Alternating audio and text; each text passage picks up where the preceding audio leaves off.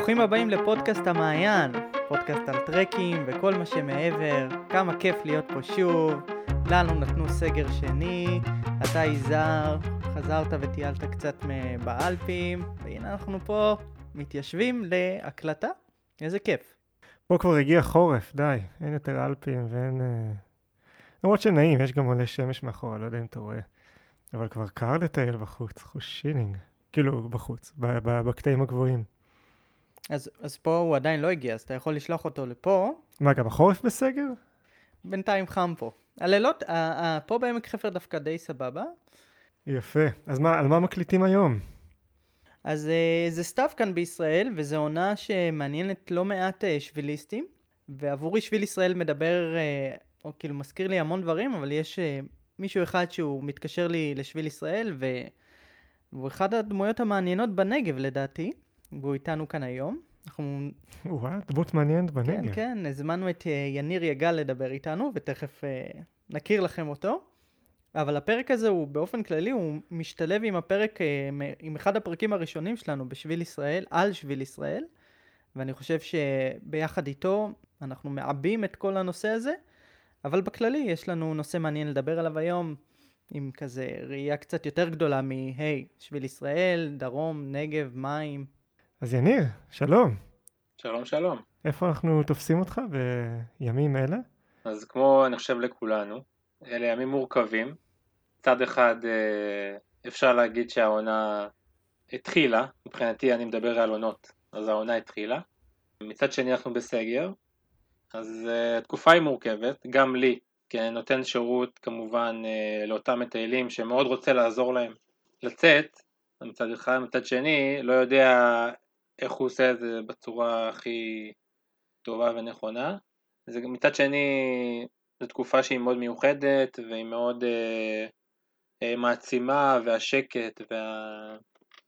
והחופשה הזאת שאין טלפונים זה מבחינתי די פרייסלס אז uh, שם זה תופס אותי. אנחנו בעצם היום פה כדי לשמוע עליך ועל העשייה והמפעל שלך בעצם בדרום. זה קצת מצחיק, כי הרבה פעמים כשאנחנו מדברים על שביל ישראל, אנחנו מהר מאוד מתקדמים אל הנגב. כאילו הצפון והמרכז רק הכנה, במרכאות, כן? אל הנגב. אני חושב שזה בגלל שהטיול בנגב הוא, הוא אתגר יותר גדול, גם פיזי, גם מזג אוויר וגם הלוגיסטיקה. וכאן באמת אתה נכנס לתמונה, אה, וזה מאוד מעניין באמת לדבר על הצד הלוגיסטי טיפה יותר של העולם הזה. אנחנו כמדריכים הרבה פעמים נוטים למשוך לצד השני על הפרח הזה או הסלע הזה או הדינמיקה עם מטיילים, אבל בעצם 90% מהטיול זה פשוט הניהול והמנהלה שלו, וכאן באמת אתה נכנס לתמונה. אז אה, עומר, אולי תציג לכולנו את אה, יניר? יניר, המפגש הראשון שלי איתו היה במשרדי למטייל בפתח תקווה. כאשר אה, עבדתי בתוכן במקביל להיותי מדריך טיולים, ויניר קיבל את הפרויקט, לקח את הפרויקט אה, לכתוב את מדור שביל ישראל, את, אה, את כל המקטעים, את הסיפורי דרך, וזה היה המפגש הראשון שלי עם השם. אני לא יודע, לא זוכר, נראה לי נפגשנו איזה פעם אחת שמה במשרדים, ובעיקר זכור לי שאמרו לי, יניר טייל את שביל ישראל ארבע פעמים, משהו כזה, שזה כבר מעניין. כשטיילת את שביל ישראל הבנת כמה נושא המים וההטמנות אה, יכול להיות מסובך ו...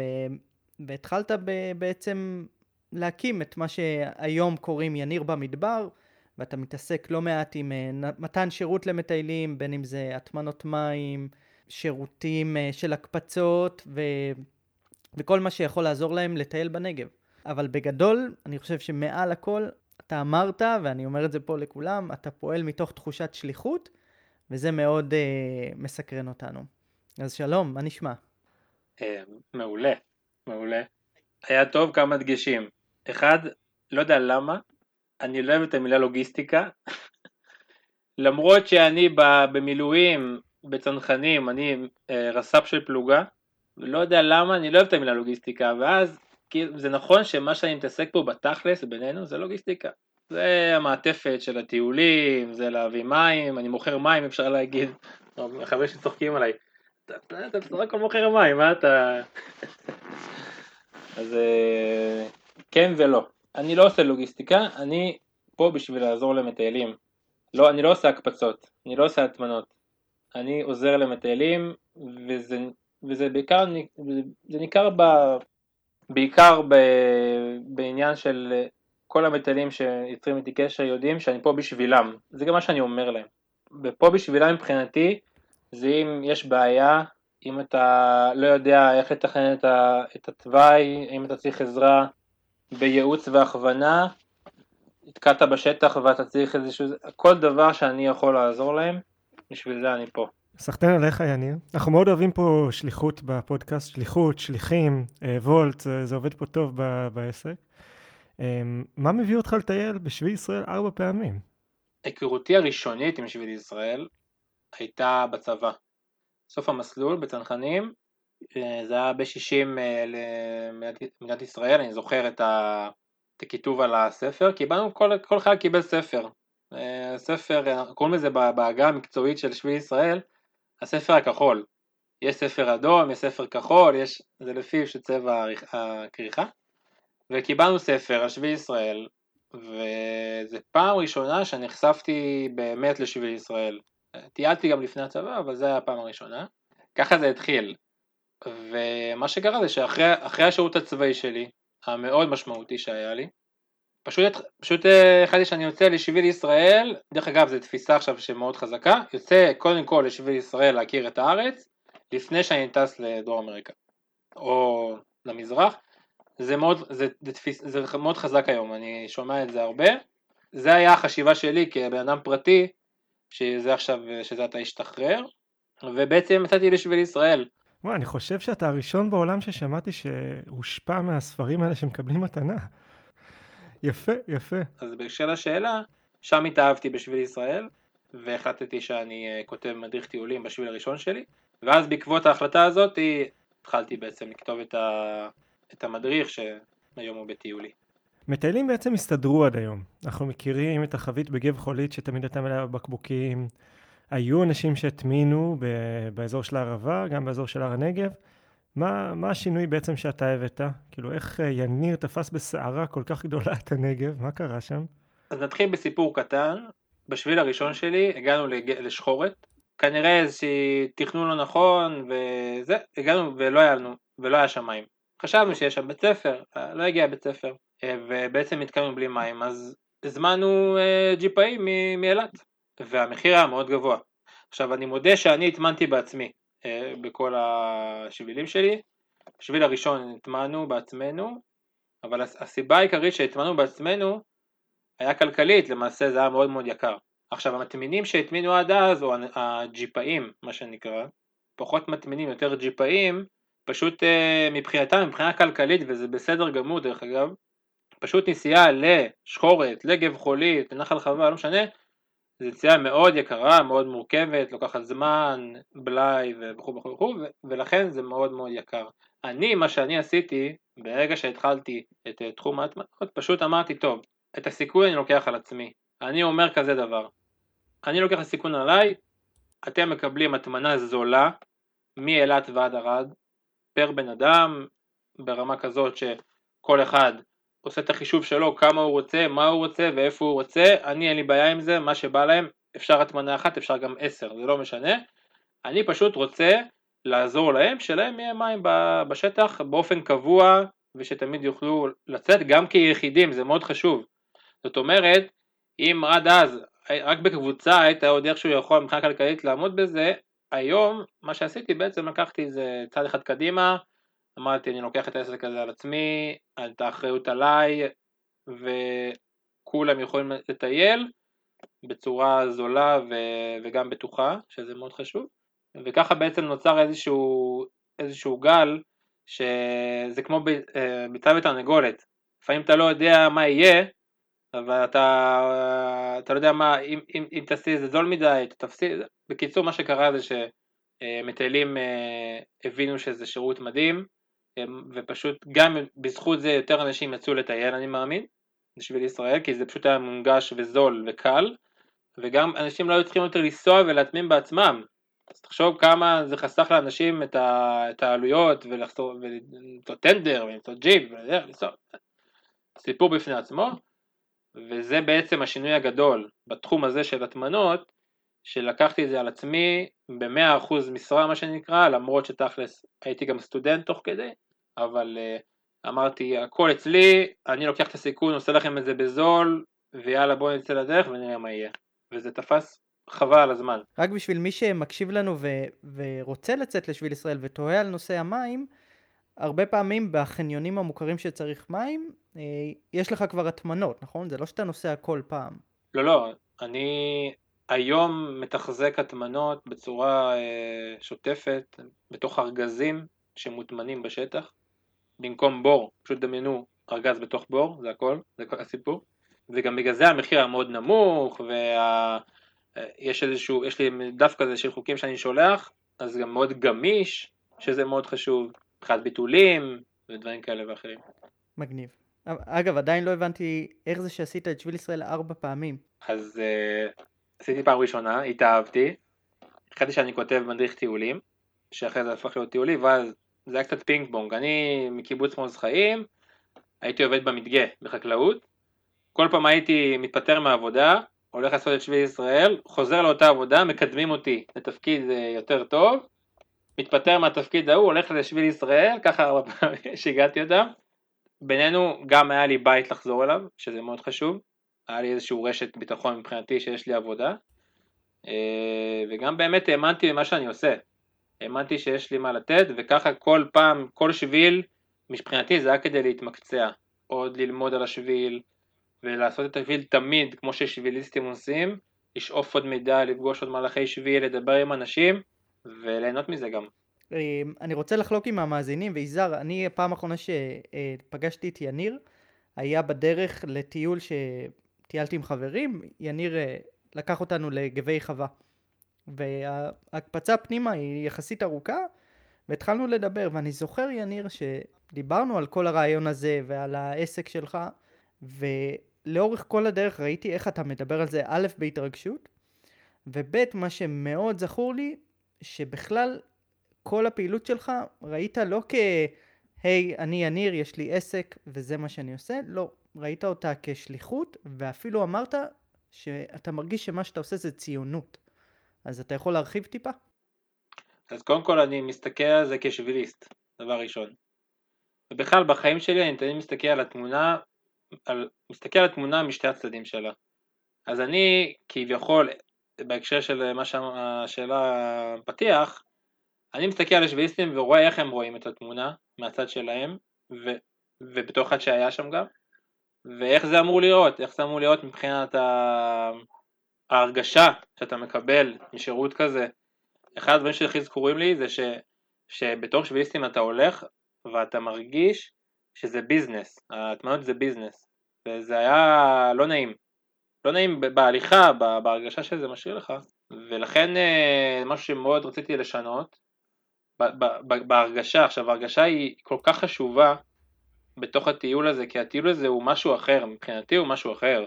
אה, אני תמיד אומר שבסוף בסוף בסוף אה, ההרגשה על שביל ישראל, איך אתה מרגיש, איך אתה נהנה מהשביל, היא הכי חשובה. עכשיו בהקשר של ציונות, אני רואה את שביל ישראל כ... אולי נקרא לזה המחנך הכי גדול, כשאנשים יוצאים לשביל ישראל בסוף, אה, הם פוגשים את, לא את הכל, אבל את רוב החברה הישראלית בצורותיה השונות, אם זה שביליסטים, דתיים, האמת שאחד המגזרים שעוד לא פגשתי זה אה, מוסל... זאת אומרת כן מוסלמים אבל לא מטיילים מוסלמים או דרוזים למרות שהיה לי איזה פעם אחת איזה מטייל שזה. אבל בגדול אתה פוגש, אתה, אתה פוגש אבל בצורה בלתי אמצעית, אתה נמצא בשטח ורואה את האנשים בעיניים, ואם זה מלאכי שביל, ואם זה אנשים על הדרך, ואם זה באלף ואחת צורות, והיום השביל מבחינתי, להנגיש אותו למטיילים זה ציונות, שיבואו לדרום, שיכירו את השטח, שיפגשו את האנשים פה, לאפשר להם, להנגיש להם את הנגב הישראלי, שמבחינה היסטורית הוא לא פחות חשוב מכל פינה אה, בארץ ישראל, וגם מבחינה תרבותית אה, חשוב שיכירו, ו... ואם אני יכול ואני אצליח להביא לפה אנשים שיגורו פה גם אחרי, ככה אני, אני תמיד אומר, מבחינתי עשיתי את שלי. זאת אומרת להביא אנשים לנגב זה קצת, אה, אני יודע, זה קצת החזון של בן גוריון, אני לא מתיימר להיות בן גוריון, אבל זה, זה, זה, ה- זה מה שאני רוצה לעשות פה, לה- להכיר לאנשים את, את הנגב בצורה אחרת, ושגם יעברו לגור פה ומה שנקרא ליישב את הנגב. אני יודע שזה קצת אה, גבוה, אבל אני באמת מאמין בזה. אבל חביבי, הכל מוקלט, הלו, אה? מה שאתה עושה הוא נכון לכל מטייל שרוצה לטייל במרחב של אה, ישראל בדרום. אז בוא באמת תגיד לנו קצת, קצת בפועל מה, מה השירותים שאתה מספק, ואני אשמח גם לדעת מה האתגרים בעבודה הזאת, לא יודע, בסמולטוק שעשינו לפני אפילו קיבלת טלפון מאיזה מטייל, אה, כאילו איפה האתגר דווקא בעבודה שלך? מבחינת שירותים שאני נותן, אז קודם כל אני, אני פה בשביל מטיילים. אמ, ו- הנה, זה מטייל מתקשר אליך, לא? זה נראה לי אותו אחד, הוא פשוט בלחץ. אז אה, תענה כי לו. הוא רוצה את ה... הוא תענה אין לו. קליטה וזה וזה. אז חכו שנייה, תעשו פאוז. לא, לא, אנחנו לא עושים פאוז. הלו. קיבלתי את ההודעה, אתה צריך את זה עכשיו, אני יכול לעשות לך את זה יותר מאוחר, אני פה באיזושהי שיחה, זה בסדר? הלו. כן. בנחל עמיעז, כן. לא, אז תקשיב, בדיוק הזזתי את ההטמנה אתמול.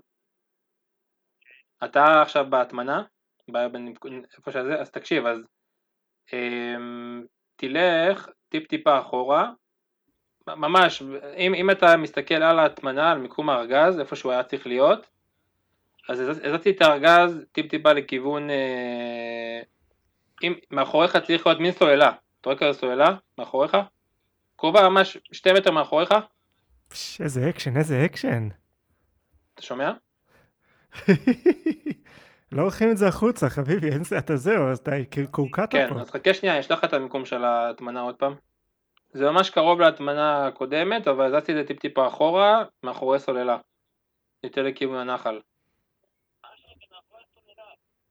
תשלח לי עכשיו, תשלח לי הודעה בוואטסאפ, אני אשלח את המיקום החדש. בסדר, מעולה. יאללה, בבקשה, ביי. שמע, לא יכלנו לבקש יותר טוב מזה. זה תעשה תסריט, תעשה, תעשה תסריט, בסוף אה, החיים אה, חזקים. לגמרי live זה הכי כיף, אבל מה היה הסיפור שם? תוך כדי שאתה שולח לו את המיקום, או שהוא שולח לך. שבהקשר של נחל עמיעז, מישור עמיעז, שזה נקודה חדשה, אני, זו שאלה שתבוא בהמשך, אז אני רק אגיד, בהקשר של גנבות, אוקיי?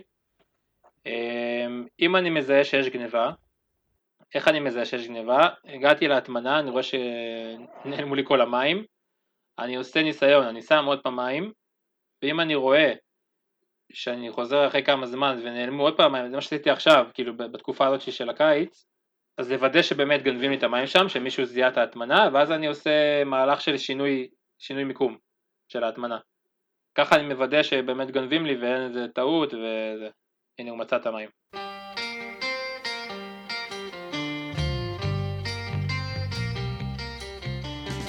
בגדול אני אמשיך. השירותים שאני נותן, אמרנו, זה אמ, את ההטמנות, את ההקפצות, את ה... להיות פה בשביל מטיילים אה, כדי לעזור להם. זה, זה דוגמה, אני אתן לכם דוגמה.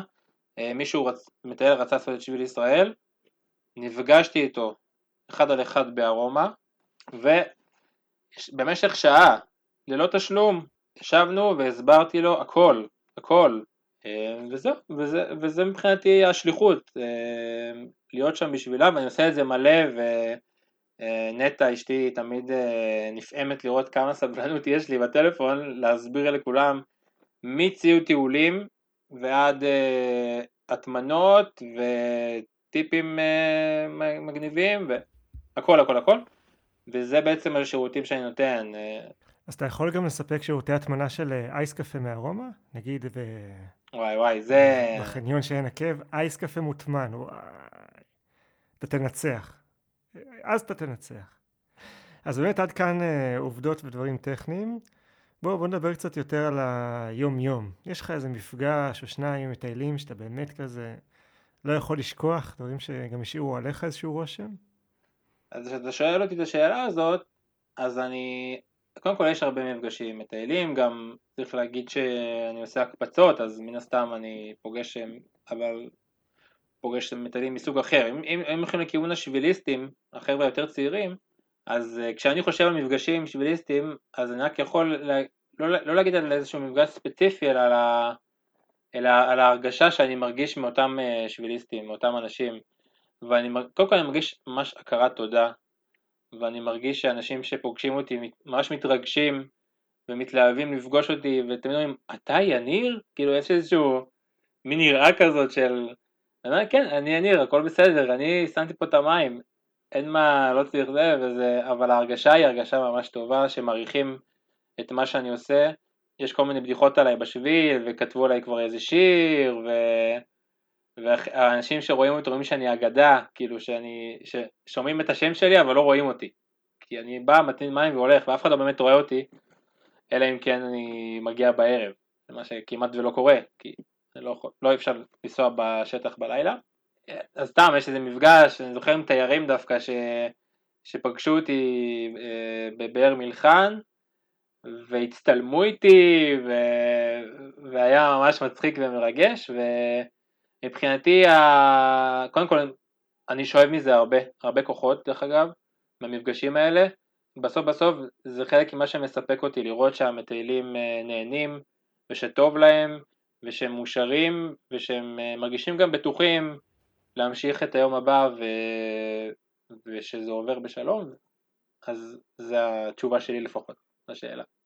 סחטיין. אני רוצה רגע עכשיו, בבקשה, לדבר על תיירים.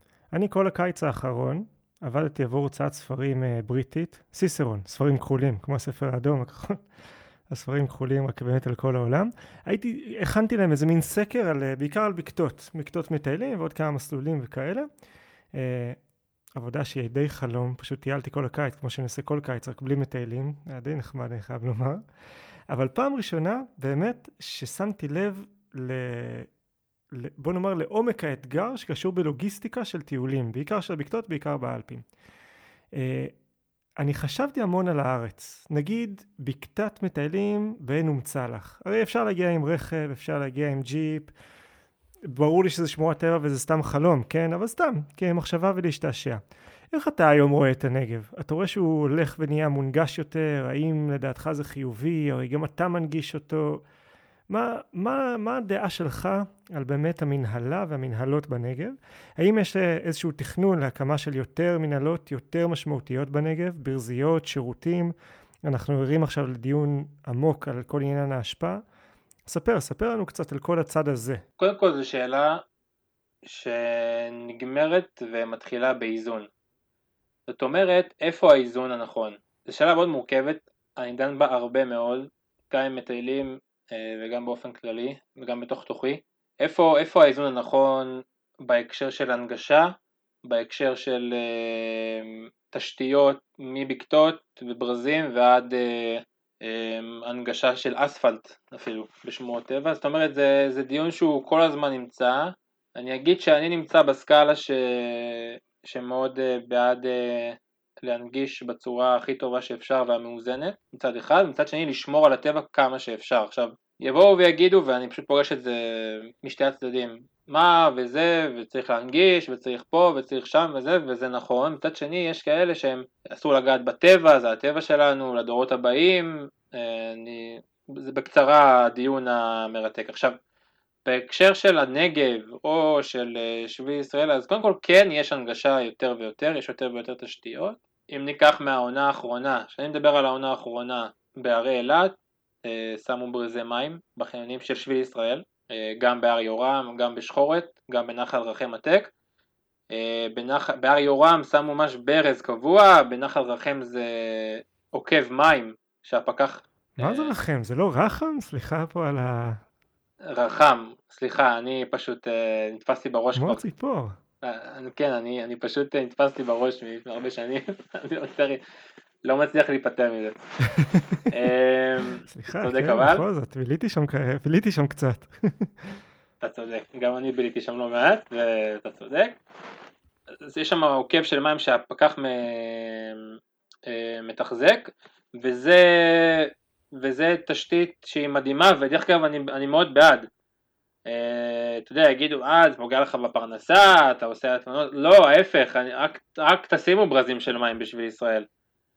אני אדאג להתפרנס, יש, לא, לא חסר עבודה בכל מיני תחומים, אני אדאג, אני עושה הטמנות כי אני פשוט, פשוט יש צורך ואף אחד לא דואג למטיילים, אז אני עושה את זה.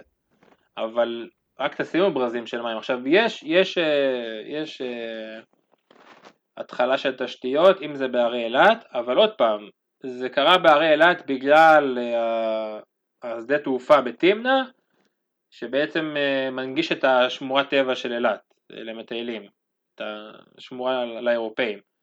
Uh, וגם מבחינה תשתיתית זה היה אפשרי, זה אולי כזה מסובך, עכשיו תשים, תמתח ברז עוקב או צינור מים לגב חולית, זה יותר מורכב. זה לא שזה לא אפשרי, זה יותר מורכב. אה, שמו ברז מים במצפה מכתש, אחרי מעלה אלי שם בחיים לילה, שם גם ברז מים. אז באופן כללי כן יש עבודה על תשתיות, גם תשתיות שהן אספלט, פתחו שמורה חדשה, צברי רמון, במכתש רמון, שמורה מדהימה עם אספלט עד לכאן בארות. אמ, אספלט ואלף במפרים. וואי, נוראי. אה, כן, זה, זה הכי, זה, זה אחת הביקורות שלי על הדרך הזאת ספציפית, אבל אה, אז כן יש, רואים שיש אה, יש תשתיות, אבל כן יש גם עניין של לשמור על הטבע מאוד מאוד מאוד מאוד, זאת אומרת מאוד לא רוצים לפתוח את זה יותר מדי כדי לשמור על הטבע, כדי שלא ילכלכו, אני יכול להגיד לך שנגיד, סתם דוגמה, עין עקב, זה עין עקב, נחל צין, זה שמורה מאוד מאוד נקייה, מאוד נקייה, אנשים מתרשמים הם באים ואומרים בואנה מה זה, זה מדהים, בצפון זה נוראי ובין עקב פשוט הכל נקי, השמורה נקייה, למה? כי יש שם פיקוח מאוד מאוד אה, נוקשה של פקחים שבאים, פותחים יום, סוגרים יום, באים באמצע היום, בין עקב במעיין, ולכן אה, אם אתה רוצה לשמוע תשובה לשאלה שלך אז אין לי תשובה חד משמעית. אני מצד אחד חושב שבאופן כללי העולם גדל ומתקדם ואנשים רוצים לצאת לטייל וצריך להנגיש להם ולעזור להם. מצד שני צריך לעשות את זה באיזון הנכון, אחד שלא יפגע בטבע. בוא נגיד לך, בקתה בעין ומצלח אין בעיה. בקתה בעין ומצלח אני לא רואה איך זה פוגע בטבע. באמת. רק מנגיש אותו בצורה הכי נכונה. אני רואה איך זה יכול להפריע לכמה יעלים, אני חייב לומר. בעונה השנייה של הפודקאסט שאנחנו הולכים להקליט uh, ממש בקרוב, קצת התבגרנו בתור uh, פודקאסטאים, uh, וכבר אנחנו ממש מתחילים עם עונה ומטרות וכאלה.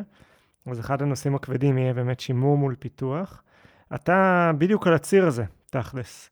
מצד אחד פיתוח של אזור מסוים, במרכאות, כן, יפגע בך. אה, מצד ש... ויביא גם, אה, סליחה, יביא גם מטיילים, זה, זה מה שאנחנו מתעסקים איתו לא מעט אה, במחשבה באמת, האם זה נכון, האם זה לא נכון. מצד שני, באמת, גם אתה, במרכאות, מביא מטיילים לשטח, או לא במרכאות, אתה מביא מטיילים לשטח, אתה מקל עליהם את הגישה. מצד שני, אתה מקל את הגישה ואתה גם מקל על זה שלא צריך שם תשתיות כבדות ועדיין יש איזשהו מחיר. שמירת טבע זה, זה מערכת איזונים סופר עדינה, כלכלית, זה, זה הרבה מעבר לתשובה באמצע פודקאסט, זה לא סתם שקשה מאוד לענות על תשובה כזאת לכל אחד מאיתנו, גם לך שאתה מתעסק בזה באופן יומיומי. שאלה גם מה האלטרנטיבה. זאת אומרת, לפני ההטמנות, מה שהיה, ההטמנות שאני הייתי עושה, מה היה? היית מגיע, מטמין בעצמך, חופר בור באדמה, מטמין בקבוקי פלסטיק בתוך האדמה, כל האזור של החניון מלא חורים, מלא בורות, מלא בקבוקים, שביליסטים באים, בסוף הסתדרו עם מים, משאירים את הבקבוקים בתוך האדמה, ההטמנה שהזכרת בגב חולית הייתה נראית על הפנים, בקבוקים זרוקים, מלא פלסטיק וזה. מה שאני עושה היום, אני, כל הבקבוקים בעצם ממוחזרים על ידי. את, את הבקבוקים הריקים אנשים באים, לוקחים את, ה, את המים ו, ואת הבקבוקים הריקים משאירים בהטמנה שלי בתוך הארגז ואני אוסף וממחזר. אז השאלה היא מה, זאת אומרת גם מה האלטרנטיבה, אם לא יהיה את השירות הזה, אז המצב יהיה הרבה יותר גרוע, וזה זה, זה העניין של האיזון. ואני זוכר אגב, שאפרופו בקבוקים אה, ממוחזרים, שגם אה, ביקשתי ממך עצים למדורה, ולא הכנסת רפסודה עם מסמרים וכדומה, הכנסת חבילה קטנה של עצי uh, לבנה, לא זוכר מה זה היה, זה הספיק לנו בדיוק ללילה, לא השארנו מעבר לזה פסולת של מסמרים וכדומה, זה גם היה מאוד נוח, וזו גם אה, אה, נקודה נוספת בתוך כל הרעיון הזה של שימור ואיזון, ואיך אנחנו מתייחסים לשטח, תוך כדי טביעת הרגל שלנו שם. מגניב. אני רוצה לקחת אותך לשלושה טיפים, שבתור אחד שעשה את שביל ישראל יותר מפעם אחת, אתה רוצה לחלוק עם אה, מטיילים שעכשיו מאזינים לנו, מטיילים ומטיילות. אז זה טיפ אחד שאני לא יודע למה אני תמיד אומר אותו, אבל זה כנראה תפס אותי. שוקולד מריר. שוקולד מריר לא נמס, או כמה שיותר אה, ברמת קקאו יותר גבוהה, הוא... אז אולי אתם כמטיילים ותיקים מכירים את זה. אז שוקולד מריר הוא, בגלל שהוא לא, כמעט ואין בו חלב, אז למעשה זה טיפ שאני תמיד אומר למטיילים. לא, כיף זה לא, צריך פה לשים את הדגש. שוקולד מריר זה יותר דומה לבוץ, זה פחות כיף, אה? שוקולד צריך להיות עמוס בסוכר. סתם, זה פותח פה ויכוח אחר לגמרי. אה, אפשר אחרי זה. פשוט אני, אחד הדברים שאני הכי תמיד יודעים אותי בשביל ישראל זה שהכל נהיה הרבה יותר, נקרא לזה יותר טעים. אני תמיד הייתי סוחב אה, ירקות ופירות והייתה לי גישה כזאת של אה, טיפה יותר כבד, אבל בסוף בסוף בסוף, כשאני על איזה הר, אחרי טיפוס אה, קשה, אני עוצר ואוכל תפוז. זה התפוז הכי טעים שאכלתי בחיים שלי. הטיפ השני שלי זה שאת הציוד טיולים שלכם תקנו בעצמכם שמותאם אליכם. אל תיקחו אותו מהאח שלכם הגדול או מהאחות שלכם הגדולה. ציוד טיולים חייב להיות מותאם למטייל. זה, אני לא אגיד שזה מציל חיים, מאוד מאוד מאוד חשוב, אני בתור מטייל, בתור מטייל לא איזשהו, ולא איזה חובש, הייתי מטפל כל היום במטיילים, חובש אותם, אם זה ברגליים שלפוחיות, אני זוכר איזה בחור מדובדבן שלקח את התיק מהאחות שלו הגדולה, כל הגב שלו היה שריטות ו... בחור מדובדבן, תותח, הולך, יודע ללכת, אין, אין, אין בכלל שאלה, בחור בכושר, אבל סבל כל יום. ובסוף בסוף אנחנו לא באים לסבול, אנחנו באים ליהנות. וזה תמיד אני אומר למטיילים, תבואו, תתפסו את, את הטיול הזה כמשהו מהנה, לא משהו שבאים לסבול בו, ו, ותפעלו לפי זה. וטיפ שלישי שהוא, זה, החברים שלי קוראים לי קצת אה, רוחניק, אבל רוחניק בגישה. בסך הכל, מה שאני אומר זה, זה תהיו טובים לאנשים ותפתחו את הלב ותהיו אמיתיים עם עצמכם, תעשו איזשהו מסע פנימה בתוך השביל, ובסוף בסוף בסוף אה, תצאו אנשים אה, יותר טובים. אדיר. וואי, זה מגניב שכבר ממש נהיה תרבות סביב השביל הזה, זה כאילו קורה, אני מרגיש שלא שמתי לב לזה, כבר יש שמות, יש סלב, זה שמות לקבוצות, יש אה, מגניב, לאללה, ממש. יפה, יניר, זהו סוף הפרק, שתי פינות נותרו לפנינו. פינת כמה עולה, שבה בגדול אני שואל אותך כמה עולים כל מיני שירותים שאתה מספק, שנוכל באמת, אה, אנשים יוכלו, סליחה, להיערך אה, לסוף הסגר. הפינה האחרונה, פינת הציטוט, שתסיים את הפרק. אז יניר, בעצם כמה עולה לילה אחד של הטמנת מים לזוג מטיילים? אז היום הגעתי למחיר כזה, היום עלות של הטמנה, סליחה, היום עלות של הטמנה עולה 10 שקל לליטר, mm. אוקיי? אתה בוחר כמה אתה רוצה. זה כל הסיפור. בתוך העלות הזאת יש לך ביטוח להטמנה למקרה והיא נגנבה, שיטפון לקח את ההטמנה, הכל כבר קרה לי, וזה המחיר, מחיר סטנדרט לכולם באופן שווה. זה המחיר בכל הנגב? אז זה לא בכל הנגב, זה בשביל ישראל. זאת אומרת, נגיד עריף כרכום, שאני גם נותן שירותים של הטמנות, או סובב מכתש רמון, שם זה עולה 80 שקל ל-6 ליטר מים. טיפ טיפה יותר יקר, לא כזה יקר, אבל אה, פשוט שם זה, זה נסיעות יותר מורכבות, פחות תכופות, עולה יותר. יפה. אה, הקפצה בשטח, נגיד אה, אני רוצה לטייל, אני ועומר במצב רוח רומנטי ואנחנו רוצים ללכת לעין עקב, אבל לא רוצים ללכת, רוצים לנסוע לעין עקב, סליחה. אה, כמה נגיד עולה הקפצה כזאת? נגיד אה, הקפצות הן קשורות אה, לכל אה, חניון ומה ש... זמן נסיעה וכו' וכו', לצורך העניין עין עקב, הקפצה לעין עקב לחניון יום שם של הרכבים של הזה, זה 350 שקל, הקפצה, לכיוון אחד. הבנתי, כאילו 700 הלוך חזור, משהו כזה. יש כל מיני וריאציות. זה לא 700 הלוך חזור. אם אתה רוצה הלוך חזור, זאת אומרת שאני ממתין לך שם שעה, זה 550 שקל. מגניב. ואחרון חביב, יש לך כמה ג'יפים ויש לך קרוון, אומרת השמועה. נגרר. ספר, ספר עליו וכמה הוא עולה. הקרוון בעצם uh, מתאים לזוגות, למשפחות, גם למשפחות גדולות, אבל uh, בגדול בגדול מבחינת מחירים, אז לזוג שבא לישון בקרוון בשטח עם כל התוספות הנלוות שזה גנרטור, חשמל, יש כל מיני דברים, אפשר לראות באתר שלי, יש לי גם אתר, זה עולה 1200 שקל ללילה, לילה שני זה 800, העלות היא בגלל שיש הקמה, יש אה, שינוע, יש הרבה דברים נוספים. למשפחה של חמישה זה עולה 1,600 אה, שקל, ואם מוסיפים אוהל זה עוד 400 שקל, תלוי, תלוי מה, מה הדרישה. ו... יפה. אנחנו מתקרבים לסוף הפרק, הגיע הזמן לפינת הציטוט. יניר, יש לך ציטוט שאתה אוהב לצטט? אז זהו, אז אני תמיד אמרתי, ונזכרתי בזה תוך כדי שדיברנו, בשביל ישראל אתה נכנס בן אדם אחד, תמיד אמרתי, ואתה יוצא באדם יותר טוב. זה תמיד מה ש... ככה אני הרגשתי על עצמי לפחות. אני אסיים uh, בעוד ציטוט, אני אחזק. אתה מכיר uh, הלכות הטמנה? זה דבר כזה, יש דבר כזה, דבר אמיתי, מסכת שבת. להטמין זה לעטוף את הסיר שבישלת בערב שבת, שיהיה לך בשבת. ויש הלכה שלמה מתי אפשר לפתוח, והוא כולו חייב להיות מכוסה נגיד, אסור שתפר אחד שלו יישאר בחוץ. ויש סיפור חמוד נורא ושלם על העניין של הפתיחה של הסיר. יעני להוריד את המגבת, את השמיכה, את מה ששמים כדי לכסות אותו כדי שיישאר חם, אה, ולפתוח ולקבל בעצם תבשיל שמתבשל כזה בחום איטי, לאט לאט. וזו הרגשה שלי תמיד שהיינו מוצאים את ההטמנה אחרי שהיינו מטיילים באמת איזה יום קשוח כזה בדרום. זה אשכרה אותו דבר. בסופו של דבר אתה מוצא בקבוק מים מאובק, שעל השאריות של הסטיקר גם תמיד נדבק עוד קצת חול, אבל וואלה, זה הרגשה שאין כמוה. לפעמים מוצאים גם איזה צ'ופר קטן, לפעמים פתק ממי שהיה שם קודם. הטמנות זה, זה מין תת-תרבות בתוך העולם הזה של טיולים, אה, ומגניב ש... מגניב שלקחת את זה עליך, מגניב שאתה עושה את זה בכזאת מקצועיות, מגניב התחושת שליחות שאתה בא איתה. אני מאמין שהרבה מאוד אנשים שטיילו בשביל ישראל ויטיילו בשביל ישראל חייבים לך תודה, כי בסופו של דבר אני, במיוחד עכשיו שהטיול הגדול אה, נראה לי הולך ונגנז, הרבה מאוד אנשים הולכים לשביל ו... והוא ישפיע על כולם. ובתוך התרבות של השביל, נראה לי תפסת מקום, מקום אמיתי וטוב.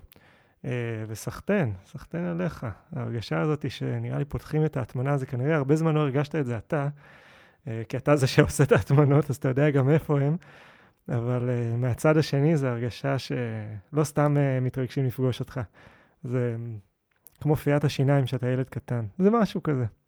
אנחנו היינו המעיין, חבר'ה. אירחנו את יניר, ואם אתם שביליסטים ששמעתם, אנחנו נשים לינק באתרים שלנו, לאתר של יניר, אה, ותוכלו ליצור איתו קשר ולתכנן את הטיול הבא שלכם. אל תשכחו לעקוב אחרינו גם בפייסבוק, אה, גם אנחנו זמינים להאזנה גם באפליקציות השונות. וזהו, אז שוב פעם, המון המון תודה. אה, תודה לך, יזהר. וזהו, יאללה, נתראה בפרק הבא.